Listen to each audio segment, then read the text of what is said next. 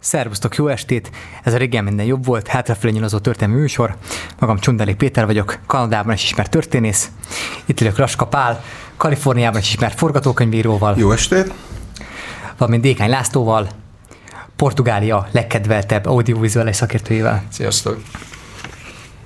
Ma este, a ma esti adás apropóját egy fájó centenárium jelenti. Száz éve történt, hogy aláírták a triani békediktátumot.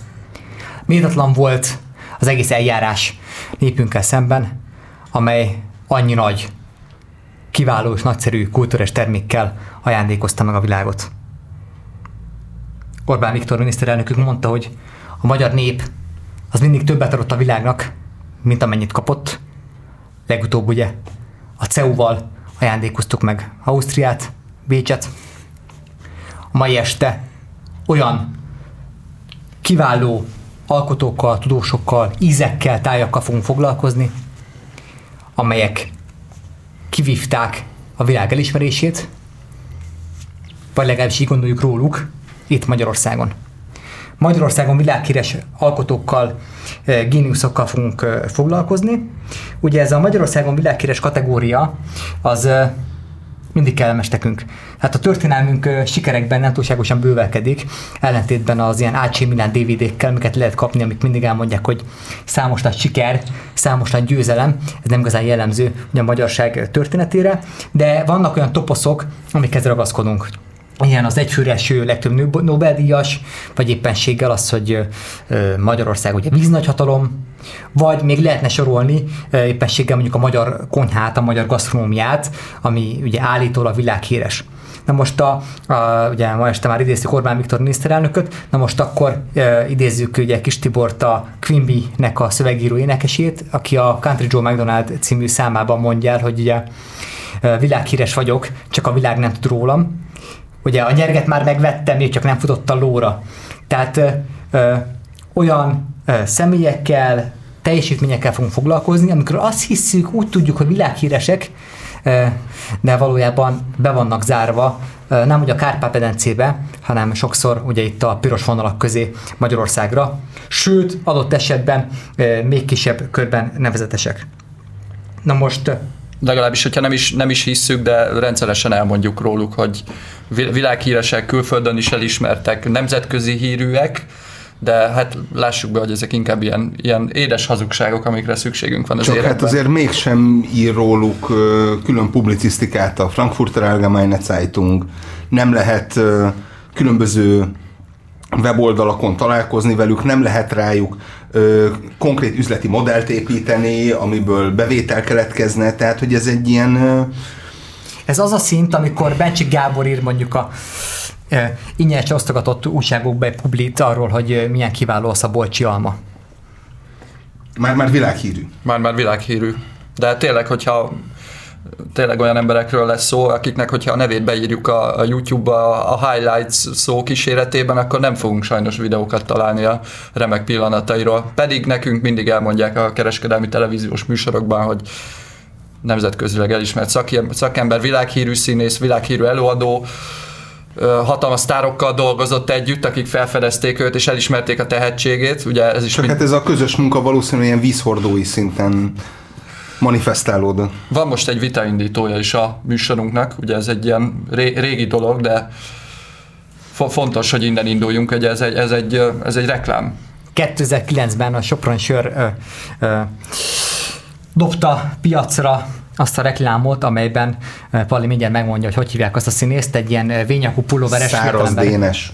Igen, az a vényakú pulóveres fiatalember így üvöltötte világgá a reflektálatlan ö, közhelyét, míg a Blonci Balázs írt róla egy nagyon kiváló publicisztikát 2009-ben, hogyha valóban annyi lenne a magyarság, és annyi lenne Magyarország, és magyarság teljesítménye a világ előtt, mint amit elordibál az a fiatalember, akkor így milyen szégyelni magát is mindannyian szégyelték magunkat. Tegyük, tegyük hozzá, hogy az egy 90-es évekbeli 90-es évek beli sörreklám Kanadából, és ahol ugye arra volt az egész felfűzve, hogy a, az amerikaiak és a kanadaiak mindig Tehát az amerikaiak mindig lenézik Kanadát, és hogy most kiállnak a kanadaiak, és megmondják, hogy az ő országuk miért jó.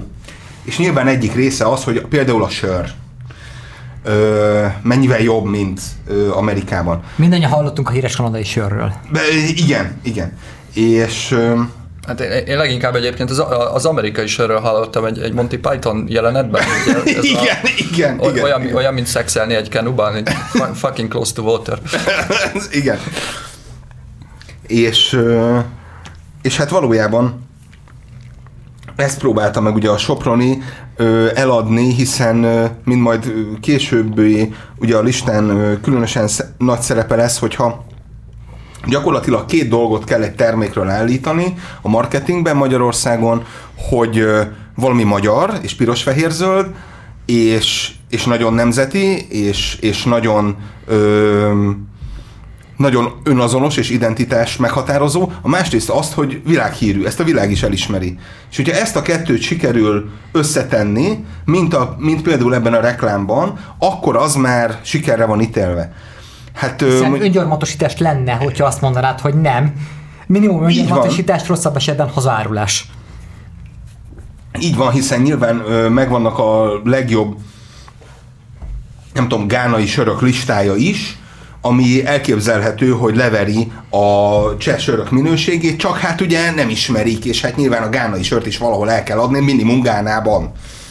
És, és hát itt is ugye a Soproni megpróbálta ezt tematizálni, hát ebből rengeteg dicsérő dolog lett, és ugye egyesek ugye a, a nemzeti elkötelezettséget hallották ki belőle, mások meg azt, hogy tényleg vannak olyan magyar teljesítmények, amiket a világ is elismer, hát aminek a nagy része például nem igaz. De ugye ott kezdődik az egész probléma. Tehát eleve van nekünk egy ilyen kényszeres bizonygatásunk, hogy elismertessük a világgal a nagyságunkat. Részben a, a szomorú, nem mindig sikerekben bővelkedő történelem, gondoljunk arra, hogy 1526 után, tehát a, a magyar állam megszűnt. Tehát, hogy 1526-tól 1867-ig nem létezett egyébként olyan, hogy, hogy ugye Magyarország, gondoljunk csak az Unió erdélyjel követelésre 1848-ban. Aztán a felvilágosodás idején, amikor ugye fontos lett ugye a nyelv, mint az identitás egy meghatározó ö, ö, szegmense, akkor ugye jött a herderi jóslat, és az engem általános iskolás koromban frusztráltak azzal, hogy volt az a herderi jóslat, ami egyébként a Herder nevű, hát ugye igen komoly filozófiai munkasságot felmutató de német szerző, igen sok kötetének egyikében, az egyik oldalon szerepelt az egyik sorban, hogy egyébként véletlenül, tehát hogy el tudja, Hiszen ez már önmagában Szerintem- mutatja, hogy szerintem- annyira vágyunk egyfajta elismerésre, hogy még képesek vagyunk még ezt az egyetlen sort is egy ilyen apokaliptikus méretűvé nagyítani. Igen, mellékesen megigyeztő, mivel a magyaroknak nincsenek nyelvrokonai itt ugye Európában, pláne szláv és német népekkel vannak körbevéve, eltűnnek, vagy eltűnhetnek. És, és engem 200 évvel később ezzel ugye riogattak, mint hogyha Herder életműve az lenne, hogy megjósolta, és a magyarsággal foglalkozott volna, pedig tényleg csak egy elejtett így mellékesen valamit. Na most ebből adódik az, hogy bizonygatjuk, hogy egyébként mi fontosak vagyunk, mi kellünk a világnak, és mondjuk például, ahogy a, a Sopra reklámra is elmondják, hogy ugye a magyar nyelv az mennyire különleges, ami abszolút minden nyelv különleges, hiszen az a nyelvnek a lényege, hogy egyedi és unikális. Hát annyi, hogy ugye tényleg nehezen tanulható például angol anyanyelvűek számára. Vagy Vala- hát ö, olyanok, akiknek ugye angolul beszélnek ugye a volt nemzetközösségi tagállamokban. Ugye ebben ez a fiatalember mindjárt hozzátesz, hogy a, nem csak a legnehezebb, hanem a legszebb nyelvét is beszélik a világnak. Igen, és egyébként szerintem itt van ennek az, az egész listának a lényeg, hogy alapvetően most nem azt akarjuk mondani, hogy azok a dolgok, amiket így összeválogattunk, ezek, ezek rossz dolgok, egyszerűen csak anny- annyit, hogy, hogy ilyen felesleges hazugságokkal körítjük őket. Tehát, hogy ugye megnézed a Soproni reklámot, persze én is szeretem a mákos gub- gubát, csak nem építenék erre nemzet, nemzeti identitást, és hogy lehet mondani sok dologról Magyarországon, hogy ezek jó dolgok, de azt így kimondani, hogy ezek a legjobb dolgok a világon, amit ugye rendszeresen csinálunk, ez egyszerűen nem igaz. Il- illetve, hogy lehet marketinget építeni egy Zaher tortára Bécsben, vagy a portugál krémesre Li- Lisszabonban, ami tényleg van egyfajta alaprecept, amit hát különböző országok szerint variálnak, és nyilván létezik egy eredeti dolog, ami egy tök jó identitás képző elem lehet, hogy ez valahonnan származik, ö, de de ez pusztán ennyi, egy, egy sütemény, ami ami egyébként jó. Hát a mákos guba, például a mák ö, meglehetősen ellenmondásos viselkedésével kapcsolatban, tehát olyan, mint a kókusz, tehát valaki vagy baromira szereti, vagy baromira nem.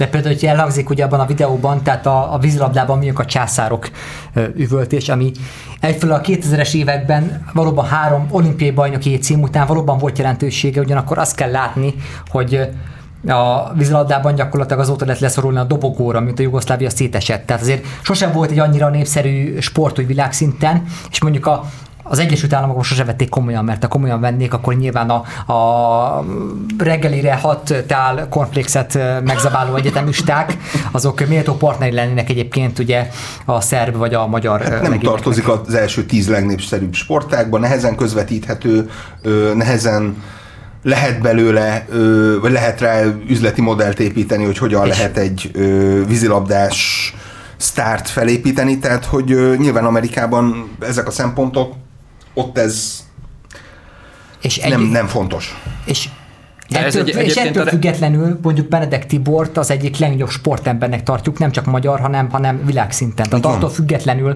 hogy a, a vízilabdának mi a jelentősége úgy általában, mennyire nézhető sport, mennyire küzd már, már két évtizede az olimpiai sportágak közparadásért, ettől még megvan a jelentőségű számunkra, fontos nekünk, büszkék is vagyunk a sikerekre, csak nem kell létetnünk, hogy a vízilabda bárkit is érdekel mondjuk a balkáni országok, adott esetben még Olaszországot ide vetjük, vagy Spanyolországot, mert nem, tehát nem egy, nem egy fontos de a reklám egyébként sok mondata közül talán abban az időben az egyetlen igaz mondat volt, mert hogy...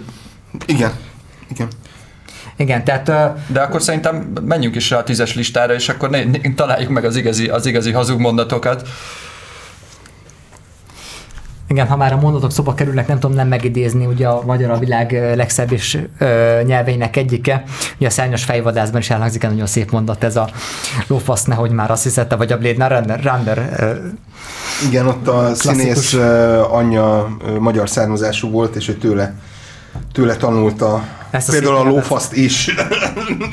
Mi más tanítson meg. így van, így van. Na most kezdjük a történeti megalapozással. Azt egészen a Kádár rendszerig kell visszanyúlni, amikor a nem kell mondani, hogy a Kádár azért jelentős legitimációs válsággal küzdött 1956 után. Ezt részben úgy próbálták meg megoldani, hogy 56 57-re a legnagyobb reálbér növekedés volt egyébként a magyar történelemben, tehát szovjet, kínai, jugoszláv hitelekből megdobták a fizetéseket, hogy konszolidálódjanak a, ugye, a, az emberek Magyarországon, elfogadják a rendszert, ugye ez a, ha volt jóléti rendszerváltás, akkor egyébként ugye 1956-tól 57-re volt. Másfelől a rendszernek igénye volt, hogy a kultúrás nagyságukat, szellemi élet jeleseit maga mellé állítsa. Ugye 1957-ben Kossuth döntették ki német Lászlót, aki még 56-ban megéri az Emelkedő Nemzet című cikkét. Na most a, a nagyságoknak a rendszer mellé állításában fontos szerepe volt, hogy találjuk olyan külföldi sztárokat, akik hajlandóak hazajönni Magyarországra, és hajlandóak kitetteni a rendszer mellett.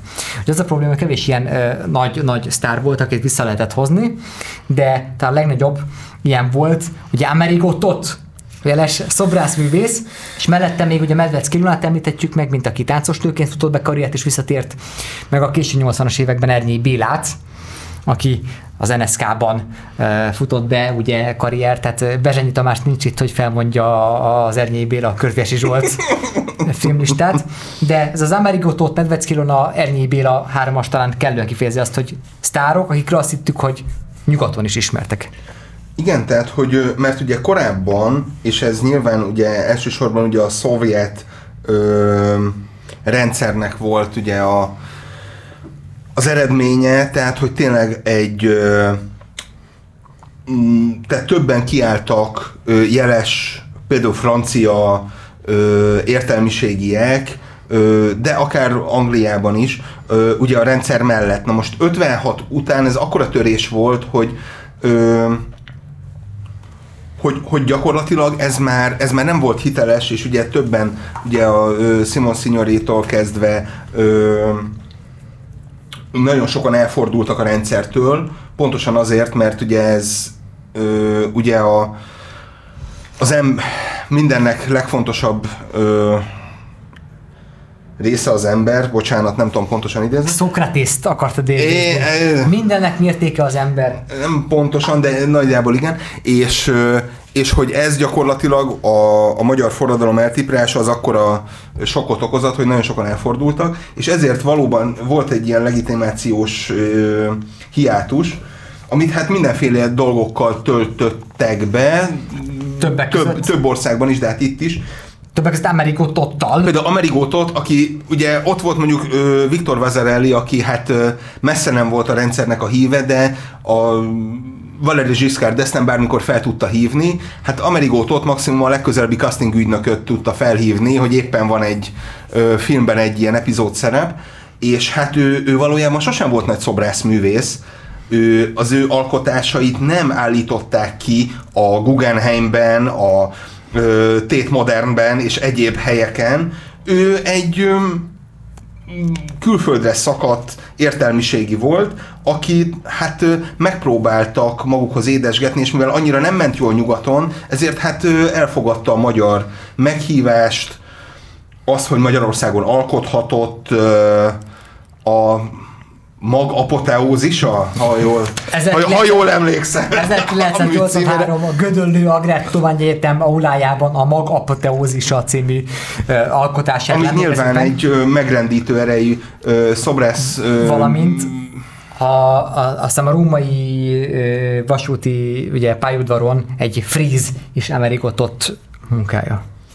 Igen, hiszen ott még szerepel, vagy hat, ö, vagy ö, nyolc ö, egyéb mm, olasz szobrászművész neve is, de tehát nyilván én is nagyon szeretem a ö, laki szobrászatnak a gipsstukkóit a különböző középületeken, Egyébként- de attól még Ugye amúgy Tóth Imre, de az Amerigo Tóth fantasztikus, mint hogy egy rajzszínfigura lenne valamelyik ilyen Warner produkcióban. Ugye az, hogy Amerigo Totot el tudták adni egy világhíres figuraként, azért abban szerepet játszott, hogy az internet előtti korszakban akármit állíthattak akárkiről. Messziről jött ember azt mond, amit akar. így van. És Amerigo Tot És ő azt is mondta. Medveckiről is ugyanúgy elmondhatták, hogy a világ egyik legkeresettebb, legfoglalkoztatottabb Monte Carlo-ban ismert táncosnője. Hiszen fellépett ugye a Foli Berzserben és a Moulin Rouge-ban, noha magyar táncművészeti főiskolán kiröhögték, tehát hogy mert hogy, az, mert hogy ez a sótánc, vagy mi, a szösz, ez nyilván egy, Sose volt az elismertségnek a hát gyakorlatilag a prostitúció fölött volt kettővel, tehát hogy értjük és átérezzük a táncosnők művészet iránti elkötelezettségét, hiszen szeretjük a flashdance-t, de azért érezzük, hogy azért van különbség egy klasszikus balett, meg mondjuk a Moulin Rouge-ban előadott három perces táncszám között. Menjünk a kilencedik helyzetünkhöz, aki nem más, mint Leslie Mandoki, aki Mandoki néven ö, igazán ismert. Urológiai szakrendelőnek is tökéletes név lenne a, a Man Doki. Egyébként, hogy a Volkswagen és az Audi zenei programigazgatójára beszélünk. Bármit is jelentsen ez.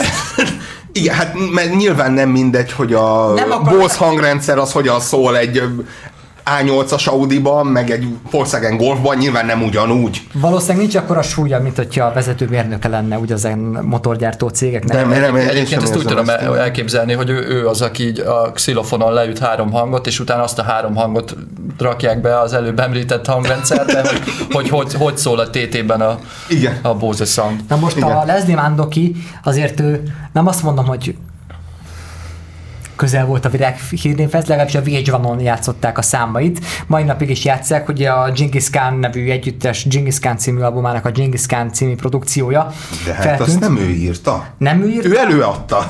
Hát ugye valószínű, hogy egy, egy magyar vendégmunkást ugye migráns volt, akit egy ugye a legendásan a tehetséget meglátó német producerek fölfedezték, hogy akkor egy ilyen bajszos, igazi kelet-európai, de ez a barázdált Hát ugye arcú. Genghis Khan, tehát hogy ugye, ugye Kelet, Mongólia, stb. egy ilyen nagy ö, bicikli kormány bajusz, az, az mindenképpen kell oda, és, és nyilván így ugye hát ez mind a mai napig ö, megtartotta ezt a fajta jellegzetességet, és hát ő valójában ugye valóban egy ilyen vendégmunkásként ment ki, és hát ugye ő, ő 79-85-ig volt ugye tagja a zenekarnak, akik ö, több ö, hát elsősorban ugye Kelet-Európában, ö, illetve Németországban ö, léptek fel, és hát ö, gyakorlatilag Leslie Mandoki karrierje, tehát hogy ugye a München Sound ö, felértékelődésével ez az elektronikus zene, tehát mondjuk azt, hogyha ö, Giorgio Morodert hívták először filmzenéhez, akkor mondjuk úgy a második helyen, ö, hogyha esetleg ő nem ért rá, akkor a második helyen hívták mondjuk Harold Faltermeyert, hogyha ő se ért rá, akkor a szintén magyar származású Szilveszter Lévait, na most Leslie Mandoki még az ő szintje se. Tehát ö, gyakorlatilag az, hogy neki Münchenben stúdiója van, és egyébként tény és való, hogy jó szakemberként reklámzenéket és egyéb dolgokat szerzett, ö, valamint ö, összegyűjti időről időre a 70-es évek ö, progrokjának ö, sztárjait, és ö, még, még egyszer fellépnek a Várkert bazárban. Ö, a Leslie Mandokian Soulmates. Igen, igen, igen, hát az, az, az fontos, a soul is, meg a mate is. És, igen, de hát hogyha, hogyha ezt az egész zenei működést lefordítjuk, nem tudom, a modern kor nyelvére, hogy a fiatalok is megértsék. Ugye, ha a Genghis Khan nézed, akkor itt öt, öt ember táncol hülye ruhában, tehát ez mondjuk nem tudom, egy ilyen hát egy ki, 90-es évek boybandjeitől sokban nem különbözik. Tehát, nem, hogy nem, abszolút volt egy pro... Kórusban énekelnek és ugrálnak. Volt egy producer, aki összeszedte az embereket. Kész, tehát azért egy... A, a az igen. pedig egy, hát nem tudom, egy ilyen közepes tribute zenekar? Hát olyan, igen, olyan, hát olyan, igen. olyan, olyan, olyan előadók, olyan zenészek, akik kiszorultak minden más produkcióból, vagy felbonult együttesük, kiadtak mellőlük Persze, hát ugye... Valamint ö... el tudták mondani magukról mondjuk Csehországban, hogy világhírűek, vagy Csehországban Persze, így van, így van, így van. És, és nyilván a ö, nem tudom, az, hogy Csakakán az ő stúdióban énekelt fel két számot, az egy fontos dolog, de hát azért mégiscsak más, amikor Giorgio Moroder Diana Rosszal dolgozott, és mind a mai napig kapcsolatban vannak, és de hát nem turnéznak együtt, hello, mert az, mert az más. Menjünk a nyolcadik helyzetünkhöz. Várok Szavért választottuk, az Orgona Horovicát, amire ugye László Feri kiváló barátunk, a magyar nagy kritikusa, és a revizor szerzés szoktam mondani. Tehát ez az Orgona Horovica, ez is az, ami egyedül egyébként a Várnok Szavér honlapján található meg gyakorlatilag, ez a, ez a jelző. Igen, tehát, hogy... Ugye jellemzően ezeket az embereket, akiket, akikről beszélünk, nagyon könnyű felismerni arról, hogy valószínűleg saját maguk szerkesztik a Wikipédia oldalukat. igen, hát, igen. Ez, ez, egy, ez egy, világ, egy igazi világhírű emberrel nem fordulhat elő, egy Magyarországon világhírű emberrel viszont lényegében kötelezően előfordul. Tehát amikor Várjuk Szávér azt olvasott, hogy szűke pátriájában, Kőbányán kezdte tanulmányait igen, hát akkor még nem létezett a Kőbányai Zeneiskola, és... Na most ugye ezt a, ugye a Xavier, tehát két dologról ismerettük meg, egyfelől ugye a Friderikus Sándor, amikor ugye elindította a sóját, ami hát ugye az országos hírnevet azt jelentette a 90-es években, ha Friderikus Showban fellépettél. Ez egy ilyen visszautasítatlan ajánlat volt, nem véletlenül a Kispár és a Borsz végül meglépte, és aztán úgy is lett egyébként ismert országosan. Na most a Xavier így lett egyébként ugye ismert, egyébként még ugye felmutatott azt, hogy egy Kanadában élve nagyon sokáig ismerette a kanadai emigráns Faludi Györgyöt, és Faludi György barátsága révén bevezetődött a magyar liberális értelmiségbe.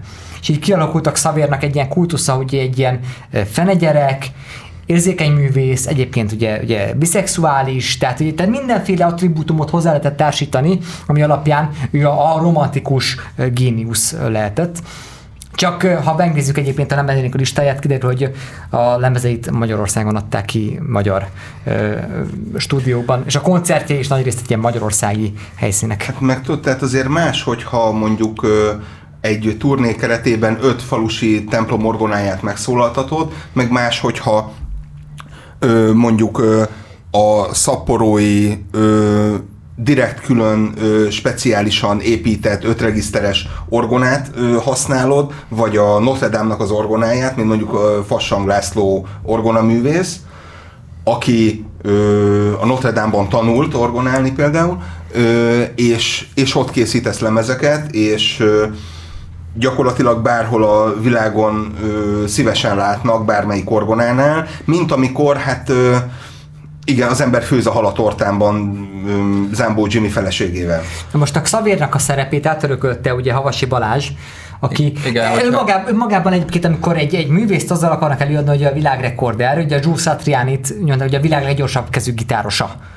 Itt a Jimmy Page szintén gyorsan tud gitározni, de azért jelentős művészi teljesítmények fűződnek hozzá de amikor önmagában a technikai tudással akarnak eladni valakit, akkor már gyanakodhatunk egy célhámosságra. Nevezzük ezt inkább sportnak szerintem, tehát hogy gyors, gyorsan szólózni az igazából renge, rengeteg gyakorlás, ami nyilván nem, nem lebecsülendő, de hogy a, mű, mű, a, a zenész... Vagy szklerózis multiplex. Tehát. Igen, de hogy a zenész léthez igazából az is hozzátartozna, hogy nem tudom, jó, jó dalokat írsz, tehát hogy iszonyatosan gyorsan pengetni, vagy illetve hát az, hogy Havasi Balázs Hongkongban 657-szer ráütött egy zongora billentyűre, nyilván, tehát hogy ez is egy teljesítmény, nem lebecsülendő, csak ez egyrészt még nem világhír, hiszen egy Guinness rekordok könyvébe bekerülni nem világhír, hiszen a egy perc alatt 300 hoddogot evő ember is bekerült. Igen, vagy amikor ugye a Havasi Balázs feje lefelé fellógatják valamiféle szuper királyi jelmezben is úgy, úgy, úgy ugye játszik, akkor az nem művészi, hanem cirkusz teljesítmény, és akkor már hívhatnánk a világhírű ötvös cirkuszt is akár.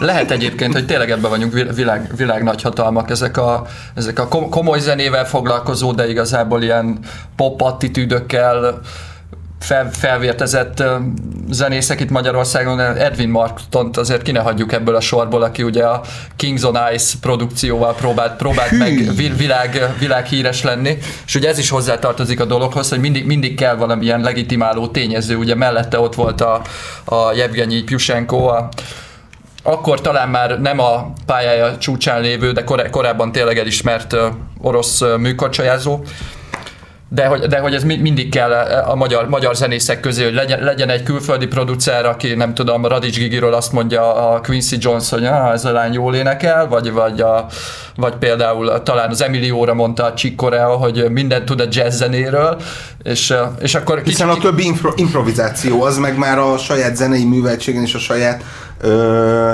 kreatív készségén múlik az embernek, erről nem beszél. És hogyha, és hogyha van egy ilyen hang, utána a, a következő héten már ezeket a zenészeket biztos úgy fogják eladni a, a fókuszban, az aktívban, meg mindenféle ilyen kereskedelmi rádióban, hogy a, a nemzetközileg is elismert magyar, magyar művész. És emögött, vagy e, e fölött már csak az lehet, amikor valaki ugye ö, mondjuk a, a Nirvana Bleach című albumának producerével, Batchwiggel dolgozott, mint éppenséggel talán a Mó együttes, ami szintén betört a nemzetközi piacra. Volt ilyen, én úgy emlékszem, igen. Hetedik helyezettünk, ugye olyan művészekkel foglalkoztunk az előbb, akik valójában sportteljesítményt nyújtanak, mint a Havasi Balázs. Na most jönnek azok a kvázi sportolók, akik valójában nem nyújtanak sportteljesítményt, hanem egy ilyen... Sem művészi teljesítmény. Sem művészi, igen, mutatványosak. Na most a világ legerősebb emberei ők ilyenek. Hát vannak valóban igazi nagyságok, mint éppenséggel az Andavölgyi aztán dorogi kötődésű Fekete László, aki valóban megkérdőjelezhetetlen titánja ennek a... Kő, a kőemelésnek. A, kő, a kőgurú, igen, tehát volt specialitása, a kőgurú emelés az volt az ő specialitása. Tényleg, tehát ő egy ilyen Albert Camus fantáziát és megragadhatta volna, hogy, a, hogy azokat a, a, a kőgolyókat ugye görgeti és emelgeti Fekete Laci vég nélkül. Az az igazság, hogy mi, mi nem állítjuk ezt magunk magunkról, hogy mi vagyunk a világ legerősebb emberei, úgyhogy nagyon óvatosan állunk hozzá ezekhez az erős, erős emberekhez. Nyilván, de hát ugye ennek ugye szintén, ahogy mondtad, ugye a Balkánon van ennek felvevő piaca, hogy valaki erős önmagában, meg, ö, meg Észak-Európában ilyen izlandi, norvég, svéd ö, emberek jöttek, de, de hát ugye manapság már a Eurosport 3-on a favágást is közvetítik, tehát hogy annak is van egy versenysorozata, tehát innentől kezdve az, hogy a világ legerősebb embere azért, mert háromféleképpen tud nehéz dolgokat cipelni, Na most ugye ebben a... Ugye ezt a ka- kategóriát nyissuk ki egy kicsit, hiszen nem, nem, csak, nem csak erős emberek, hanem ide, ide vehetünk mondjuk uh, harcművészeket, vagy különböző testépítőket. Uh, Vagy ilyen sporttopaszokat, tehát a, Igen. a vízilabdában mondjuk a császárok, ami valóban igaz, csak a vízilabdát nem lehet világhírűnek nevezni egyébként. Vagy vannak ilyen önáltatások, mint hogy a Hungaroring, az egy ö, ö, izgalmas versenypálya, és a, a pilóták kedvence. a, a pilóták kedvence valószínű, hogy a prostituáltak miatt magyaródom, mert hogy egyébként ugye köztudottan nem lehet előzni ezen a pályán. A má- másik ilyen dolog, hogy ugye jellemzően ezeket a sportokat renge- rengeteg világszervezet juttatja el az emberekhez, több, többfajta versenyt tartanak benne, tehát hogyha labdarúgóként azt mondod, hogy te világbajnok vagy, akkor azt jelenti, hogy világbajnokságot nyertél, hiszen világbajnokság csak egy van. De hogyha... És négy évente. és négy évente. De hogyha elmegyünk mondjuk abba, hogy, hogy a boxban mondjuk van négy elismert világszervezet, abból mondjuk kettő nagyon-nagyon magasan van, de a többit is jegyzik valamennyire. Négy elismert. És, és, sőt, hogyha hárman alapítunk egy boxvilágszervezetet, akkor mi is kiírhatunk egy világbajnokságot. Na pontosan, pontosan ez történik mondjuk a, a fitness sportágakban, vagy a, vagy a, vagy a különböző harcművé, harcművészetekben, és akkor, akkor megjön, megjön az, hogy történik, nem tudom, egy bakúi kickbox világbajnokság, és hirtelen lesz, nem tudom, 15 magyar világbajnokunk, vagy je- jellem, vagy mondjuk megvannak mondjuk a, a, az erős ember sportban, ugye a World Strongest Man, amit ha valaki megnyer, akkor őt szokták a világ legerősebb emberének nevezni, de mi általában Nem azt tekintjük. nem, nem azt, te- mi nem ezt tekintjük mérvadónak, hanem e- ezt a jelzőt kicsit ilyen szabadabban adjuk, adjuk oda em- embereknek. De ugyanez van mondjuk a, a test, testépítésben is, tehát ugye a, a testépítő versenyeknek a csúcsa az a, az a Mr. Olympia, de hogyha te elmész, nem tudom, egy hárombetűs szervezet Melbourne versenyére, ahol, ahol éppen elég jó formád van, és szépen leszárítottad az izmaidat, akkor, akkor testépítő világbajnokként jössz haza, és utána már így, így tudsz magadra hivatkozni. Hogy itt említsük meg a Fehérjér nagyhatalom Magyarországnak olyan jelesét, mint Kati Bélát, valamint Nick Kárpádot, akit végül hát a, a kategória csúcselődjeként választottuk, hiszen az ő ilyen epitaton ornansz az, hogy Guinness rekorder. Önmagában egyébként a Guinness rekord az nem kéne, hogy a minősítse a produkciót, hiszen a legértelmetlenebb hülyeségeket uh, lehet Guinness rekordként Hát, ugye hát az, hogy ugye 80-as években ö, Rózsa György műsora volt a leg-leg-leg, ami ö, gyakorlatilag a, egy ilyen teljesítményt a világ legnagyobb dolgának tüntetett fel, ami nyilván ugye tévéműsorokban az egész világon van ilyen, hogy Guinness rekordot kell dönteni az adott műsorban, és azt felveszik. Sőt, hát ugye nem is, kell, nem is kell megdönteni, hiszen hogyha ha te csináltad azt először, és ezt valamilyen követelményrendszer szerint megmérik, akkor te Guinness rekorder vagy. Majd Igen. ha valaki úgy gondolja, hogy hú, ez egy érdekes dolog, ezt én is meg tudom csinálni csak jobban, akkor ő lehet, hogy megdönti a rekordodat, de te lehet, hogy életed végéig olyan dologban leszel világrekorder, amit soha senki nem akart megdönteni, mert teljesen érdektelennek Én, tartottad. én még emlékszem sajtóhírekre, hogy tojás patkolásban valaki Guinness virágrekordot ért el 500 darab mini patkó fel patkolására a tojáshelyra, ami nyilván egy baromi jó dolog, de hát miért? Hol és mikor? Kinek jutott az eszébe? Eh, És hol volt egy ország sikerességének a mércéje a Igen. tojásmatkolás? Na menjünk a hatodik helyzetünk köz, ugye a Magyarországon világhíres eh, eh, eh, top tenünkben. Na most jön a magyar lányok szépsége, ami már egyébként a 20. század elején legendás volt. Magyar lányok a világon a legszebbek. Igen. Szintén a Soproni reklámra jól, jól emlékszem. Mert igenis a magyar lányok a legszebbek. Tehát, hogy már valaki kicsibb akarja vonja, vonja Kicsoda? azt, hogy, hogy hát igen, van egy sejtésünk. illetve azért ne felejtjük el, Ceausescu hogy a, romániája. ki más, hogy tehát a magyar export legjelentősebb tétele a magyar nő exportja. Ez már a század elején így volt, tehát Brazíliában a hungara az a prostituáltat jelentett egyébként, de Európa a különböző... Ja, tehát a nyugaton hungara, tőlünk keletebbre a vengerka. Tehát Igen, igen, igen, igen, igen. igen. ez a prostituáltat jelentette, és egyébként ugye nyilván a prostituáltaknak az exportja nem csak a szépséggel van összefüggésben, hanem az országnak a társadalmi, kulturális, gazdasági nyomorúságával, ahogy arra Jászi Oszkár rámutatott a kulturális elmaradottság okairól című tanulmányában, és innen üdvözlők Pető Pétert, aki most nyilván elmondaná a műsor első SZDSZ-ezés. Nem, Minimum! Már, már, konkrétan itt már világ SZDSZ-ezés. igen, igen. De azt azért tegyük hozzá, hogy ez, ez aztán folyt, folytatódott a világhírű magyar pornószínésznőkkel, és a Abszolút. És abszolút. a többször, többszörös pornószkár győztes pornófenomén Lángel meg Kovács István. A pornó kubrikja. Pornó Igen, a, akivel hát ö, tényleg ugye szerződést ö, kötött ugye a Private, mint ugye a legnagyobb ö, amerikai tulajdonú ö, pornós cég, ö, de hát ugye ez a szerződés mondjuk ö, azt hiszem két vagy három év után lejárt, és onnantól kezdve már nem, nem neki készítette a filmjeit. Úgyhogy ö, Úgyhogy igen, tehát hogy ez is egy, de az, hogy ők lennék a legszebbek, hát ez, ez, ez meg ilyen viszonylag, viszonylagos kérdés. Ez teljesen mert szubjektív. Tehát az a... ember elmegy ö, Portugáliába, Brazíliába, de akár Csehországba, Horvátországba, hát... Ö, ö, szebbnél szebb lányokat láthatunk. Mindenhol tehát, vannak jó csajok, de ez... ez Fiatal lányok mindig szépség, ugye, Naponta töltik be új lányok a 18 at Igen, hát tehát az, hogy ki, ki mekkora és hány kamion tud elhozni a fogával, az meg mérhető. Na most a szépség az tipikusan koronként és területenként változó kategória. Nem véletlen a 17. században a Rubenszi alakok voltak szépek, és aztán ebből uh, lehet mondjuk a Madeline vagy aztán megjelentek más típusú szépségideálok. De nem csak konkrétan a női szép, szépségre, hanem úgy unblock a magyar szexualitásra szeretünk így büszkék lenni. Ugye minden évben kijön egy ilyen tanulmányválogatás, hát jellemzően nem a Science magazinban ur- urológusok által megírva, hanem, hanem mindenféle ilyen plegykalapokban arról, hogy a, hogy a magyar pénisz az Európában a legnagyobb, tehát... Talán... Ami általában önbevallás alapján igen, történik. Jellemző, jellemzően igen. Tehát, hogy gyakorlatilag ez csak arra bizonyíték, hogy mennyivel tudunk nagyobbat mondani. Igen. Egyébként a magyar lányok szépségversenyében csúcsjelöltként a Laki Zsuzsa nyert, aki még a napkeltes stúdióját is megjárta 2003-ban, mint ugye Európa szépe. Sőt, hát ugye... Senki a... nem tudta, mit jelent ez a kihívás, és hogy mi, mivel jár Európa a, Azóta sem találkoztunk több Európa szépével. Nem is érdekelt minket azon túl, hogy ha nem magyar nyeri, akkor Hiszen nincsen hegyen volt róla nagy, óriás plakát, hogy Laki Zsuzsa Európa legszebb lánya. Menjünk az ötödik helyezettünk közül a magyar találmányok ö, sorára. Na most ö, a, az egyfőres Nobel-díjasok számában ugye nyilván kiemelkedünk, ez egy toposz. Más kérdés, hogy a numerus clausus, vagy zsidó törvények, vagy sok minden más miatt, ugye Hát a Fasori Evangélikus Gimnázium, ahova nem feltétlenül evangélikusok jártak.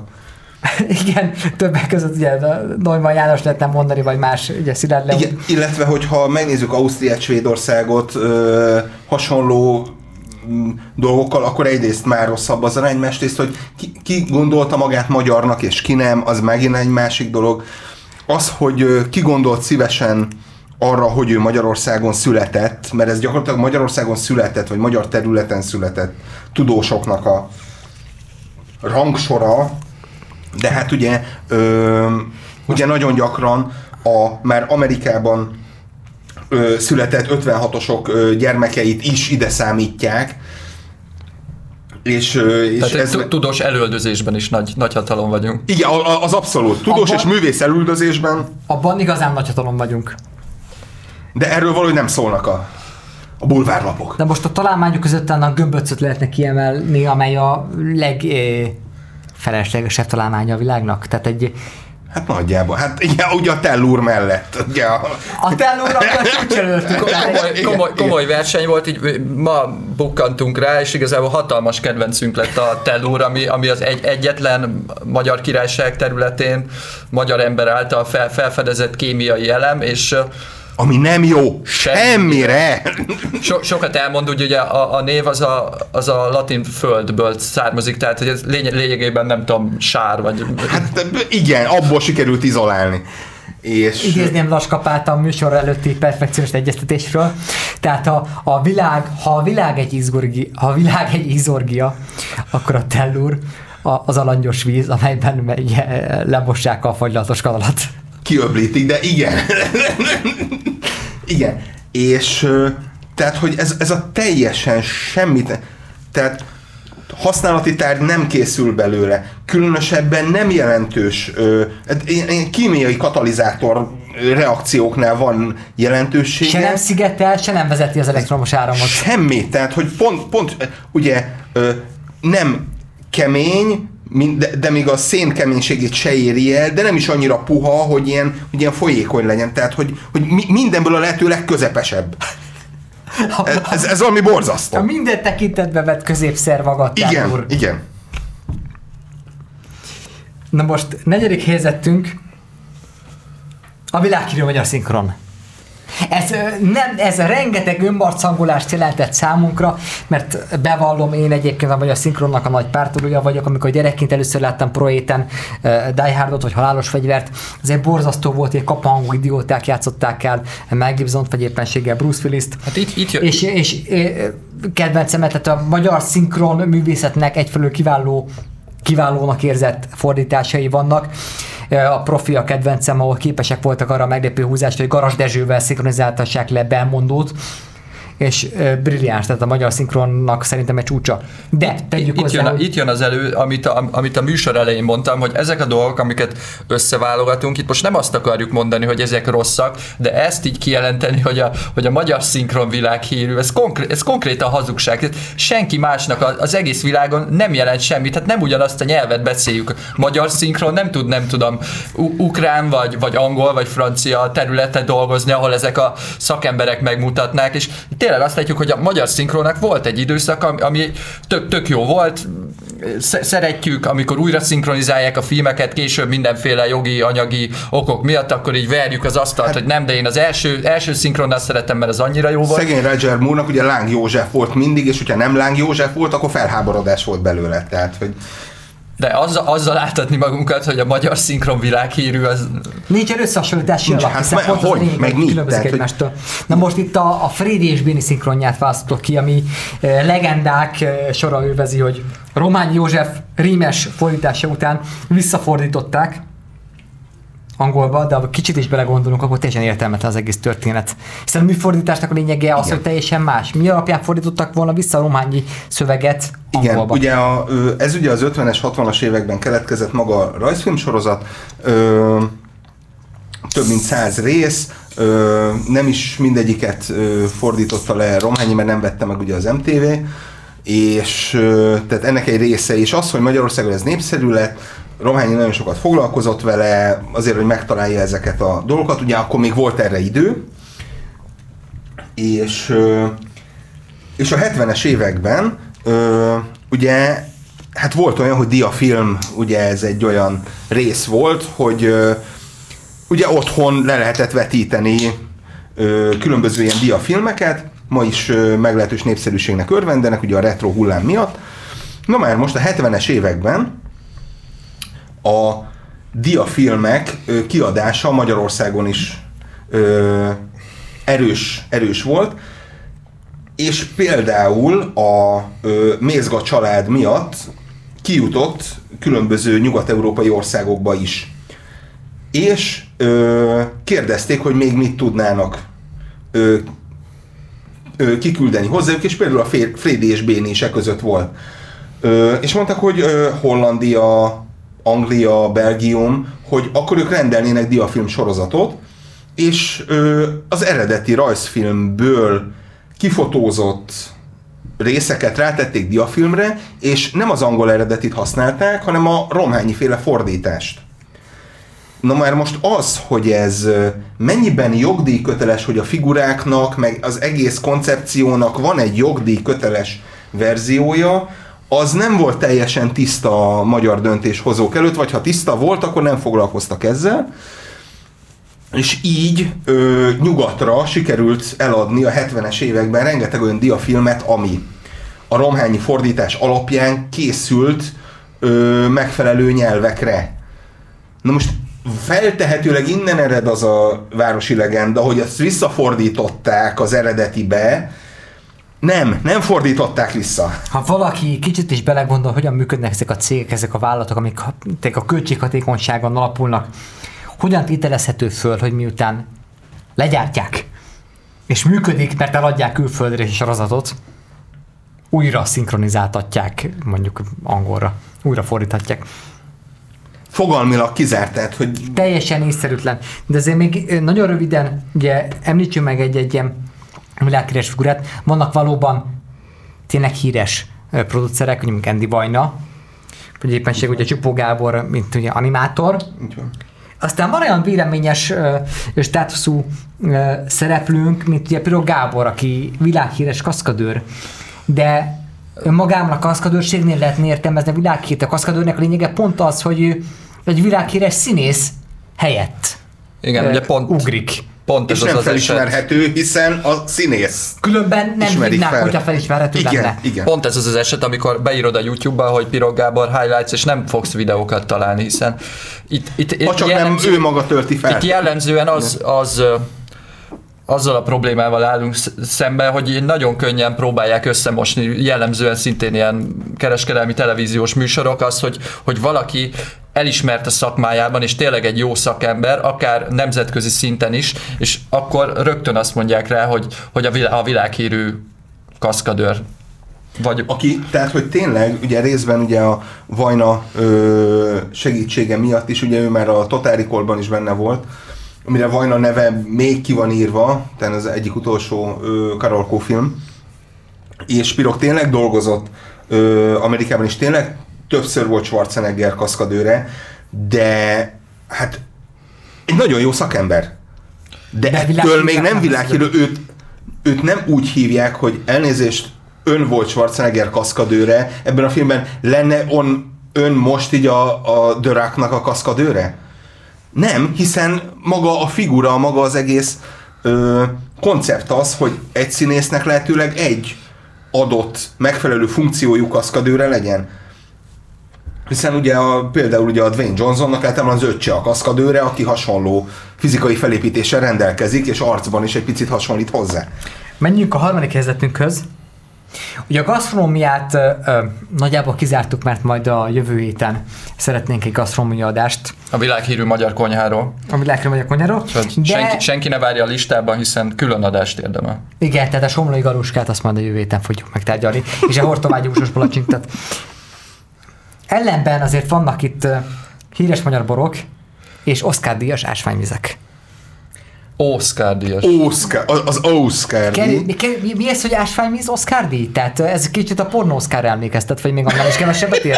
Hát én, én, sz- valószínűleg nem jó az összehasonlítás, viszont, viszont a pornó Oscar mögött ezért van, van teljesítmény, tehát ott, ott ember, embereknek mozognia kellett, rendezők néztek bele a keresőbe, és aztán vág, vágók összevágták.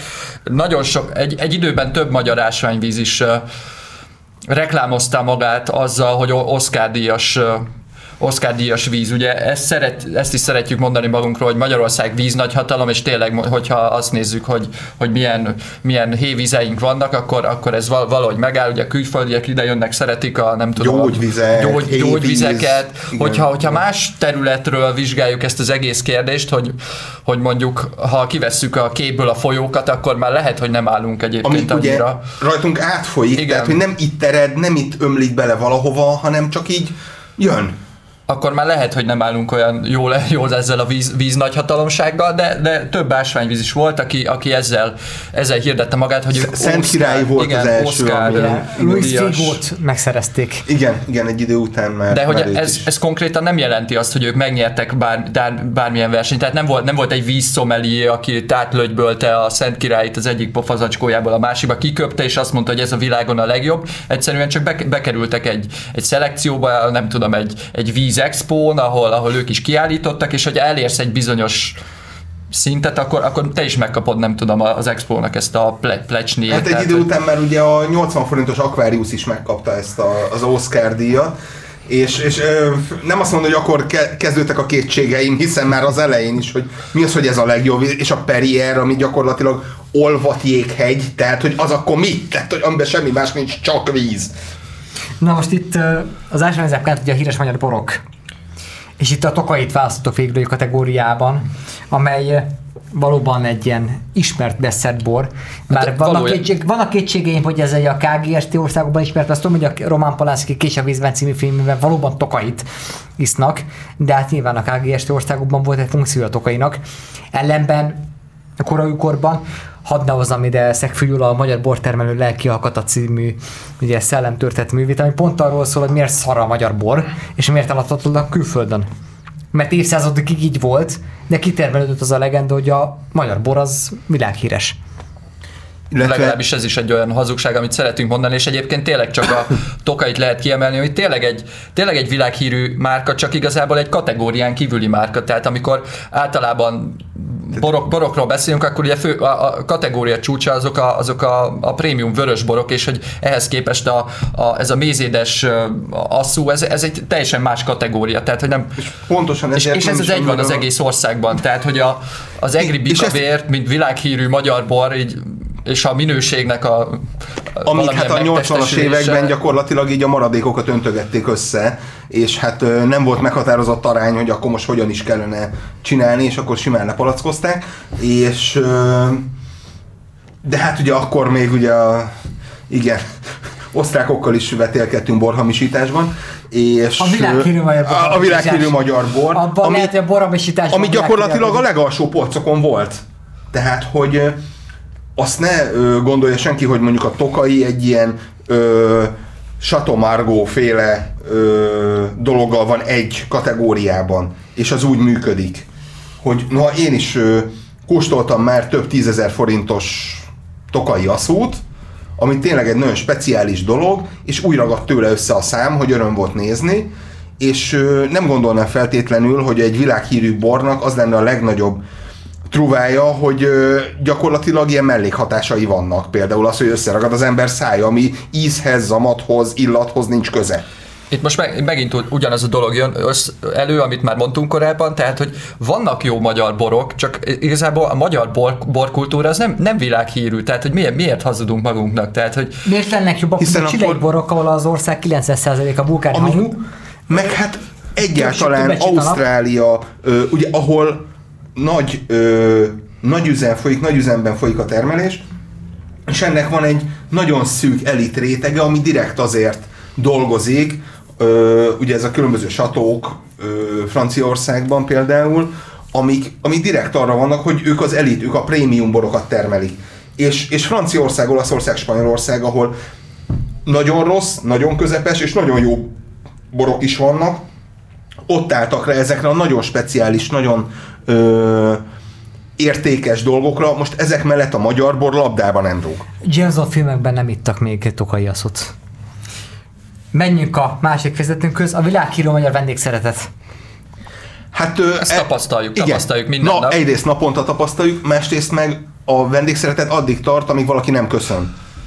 Onnantól kezdve viszont el van mondva a világ legnagyobb gazemberének.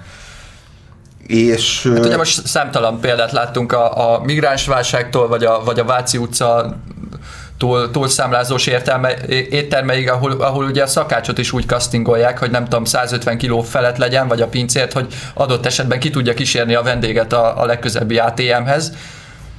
Ezt tudjuk egyébként, hogy történelmileg honnan jön ez, hogy a magyarok ilyen vendégszerető emberek? Hát, hogy nem, nem, hogy a külföldi nem tapasztalja Magyarországon, de hát a magyar nem, nem, tapasztalja. szerintem Galeotto Márciónak volt ilyen jellegű írása, hogy vagy valójában a nagyurak hogyan viszonyulnak. A, a budai udvarban éltem minden napjától egy ilyen sztár vendégként meghívták, tehát mint Dennis Rodman Észak-Koreában, úgy hívták meg a galautomációt a Mátyás Krei Vagy Steven Seagal Moszkvában. Igen, hogy nyilván csak a vendégszeretettel találkozol. Tehát Igen, és, és igen, tehát ez a, az, hogy mennyire vendégszerető, és, és ugye ez valószínű táplálja azt, hogy amikor ugye ide jön valamelyik jelentős művész, akkor rögtön az, hogy, hogy tetszik neki az ország, hogy tetszik neki a város, és valahogy senki nem azt mondja, hogy egyszerűen nem is ért, hogy hogy lehet egy ilyen büdös faluban meglenni, és azonnal mindenki menekülne a Rivierára, és egész egyszerűen azért, mert a, a vendég szeretet az pusztán addig tart, amíg nem találkozunk valami számunkra tökéletesen eltérővel, legyen az bőrszín, szokás, bármi egyéb dolog, és onnantól kezdve az már gyanús. Azt már nem ismerjük, az már annak már valami problémája van. Ugye ez, tehát mondjuk elmé, elmész valahol túrázni, vagy be, bemész egy vidéki faluba, és akkor ez a leg, legalapvető dolog, hogy mondjuk nyáron akkor ott le, leültetnek és ad, adnak, egy, adnak egy hideg vizet, vagy bármi, tehát hogy ezt azért nem magyarként se tapasztalod, de ugye nemrég történt, hogy nem tudom, indiai vendégmunkásokat rájuk hívják a, rájuk hívják a rendőrséget. Sőt, nekem egy cimborám volt, aki talán Zalában egyébként 93 Egyébként ugye a egészen magasan kvalifikált és képzett cimborámról van szó, de három napig nem borotválkozott, és ráhívták a, a, a, a, a rendőröket, mert migránsnak néztek. Hát Na ez, most, egy, ez egy ilyen magyar, magyar Rambó, nem? Na most igen. Menjünk az első helyzetükhöz. Világhíres magyar tájak, a puszta. Gyakorlatilag, ez az ahol nincs semmi. Hát mi? A magyar puszta. Tehát, hogy én értem, hogy Petőfi rendkívül ö, érzékletesen írta le, hogy az mennyire szép, és mennyire zseniális, de hát és akkor már itt vagyunk, hogy Petőfi mennyire világhírű, mert értem, hogy Kínába tanítják, meg, Minden meg ez egy fontos... is lefordított Petőfi igen, igen, igen, de hát ő is csak egy szelet a, a könyvben. Tehát, hogy ez se kis teljesítmény, ezt is el kellett érni, de hát pusztán egy minimális része. De emlí- em- Balázsi Pisti most nincs itt velünk, de em- említsük meg egyik zseniális megállapítását. Ugye Kínában most épül a világ első ö, horizontális vagy vízszintes felhőkarcolója, amikor három felhőkarcolónak a tetévre raknak rá egy, egy vízszintes felhőkarcolót, ezt Hortobágy már megcsinálta ugye a kilenc lyukú híddal, ami, ami, ami egy vízszintes felhőkarcolóként felfogható. És már Petőfi szóba került, akkor a DNR-t megtámadták, hogy miért gyalázza és fikázza Magyarországot, amikor Petőfinek nagy nemzeti költőnek is jó volt az Alföld, és nem kellett neki még a Kárpátok se, akkor ugye erre a DNR azt válaszolta, hogy hát csak vitték volna egyszer Petőfit a Rivierára, akkor egészen más lett volna a vélemény arról, hogy van egy csodással, mint a Magyar Alföld. Hát ez mind a mai napig, de hát ugye, ugye az látszik, hogy azért a kelet-magyarországi lakosság folyamatos fogyatkozása azért arra bizonyíték, hogy hát lehet, hogy szép, de megtartó ereje a szépségnek viszonylag kevés, hogyha máshol jobban lehet keresni, illetve sokkal elismertebb az ember munkája. Tehát pusztán azzal, hogy oda kummantunk egy ö, gémes kutat, meg egy-két szürke marhát, attól az még nem dobogtatja meg annyira az ember szívét, hogy ott maradjon és vállalja az ezer éves magyar sorsot. És akkor is zárjuk le azzal, hogy szintén Balázsi Pisti cimborák megállapította, hogy a függetlenség napját Magyarországon forgatják, akkor hogy a Fehérház helyett akkor a 9 hidat robbantották volna fel az ufok, mint Magyarország jelképét, és ezzel nagyobb el is helyezzük egyébként Magyarország súlyát a világban. Így van amit egyébként nem is minden tekintetben csodálunk, de milyen szeretünk. Petét Pitt. Érted, haragszom, nem ellened. Szervusztok, ez volt a régen, minden jobb volt. Laskapál, Dékány László, Csundelik Péter. Egy hét múlva jövünk a gasztroadással. Igen. A világhírű magyar konyhával.